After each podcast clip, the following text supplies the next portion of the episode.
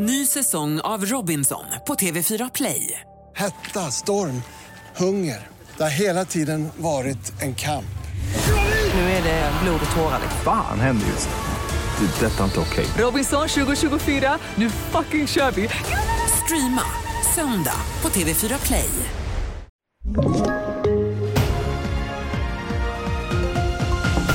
Privatpersoner stoppade knivman i Göteborg.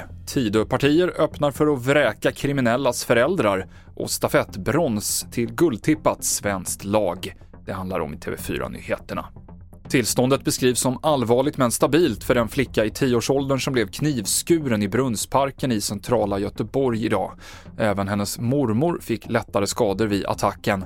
Den man i 35-årsåldern som greps på platsen har ingen känd koppling till flickan och det var förbipasserande personer som övermannade den misstänkte. Lyckligtvis under det här överfallet så har personer i allmänheten observerat att det är något som inte står rätt till och ingripit och lyckats brotta ner den här gärningspersonen och hålla honom fast och gripa honom tills polisen kommer till platsen och övertar gripandet. Så det var civila vanliga förbipasserande som gjorde detta? Absolut, och det var mycket rådigt gjort.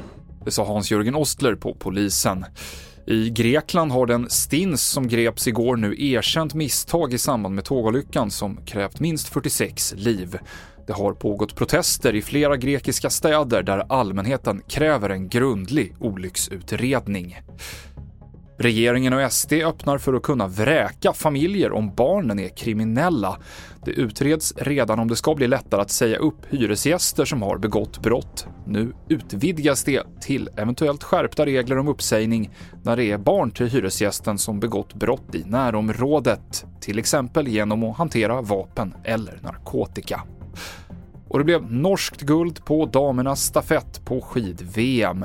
De svenska tjejerna var favorittippade men fick nöja sig med brons efter ett struligt lopp där Ebba Andersson ramlade och bröt staven på andra sträckan. Eh, ja, nej, alltså det var ju verkligen eh, stress eh, till 100% för när det väl sker så känner jag mest bara helvete nu nu rinner den här stafetten oss ur händerna men sen i, i, nästa, sen i nästa sekund så har jag en stav i, händerna, eller i handen istället.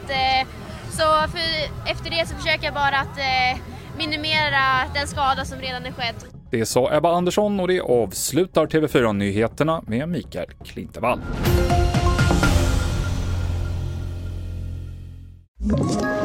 Ett poddtips från Podplay. I fallen jag aldrig glömmer djupdyker Hasse Aro i arbetet bakom några av Sveriges mest uppseendeväckande brottsutredningar går vi in med hemlig telefonavlyssning och, och då upplever vi att vi får en total förändring av hans beteende. Vad är det som händer nu? Vem är det som läcker?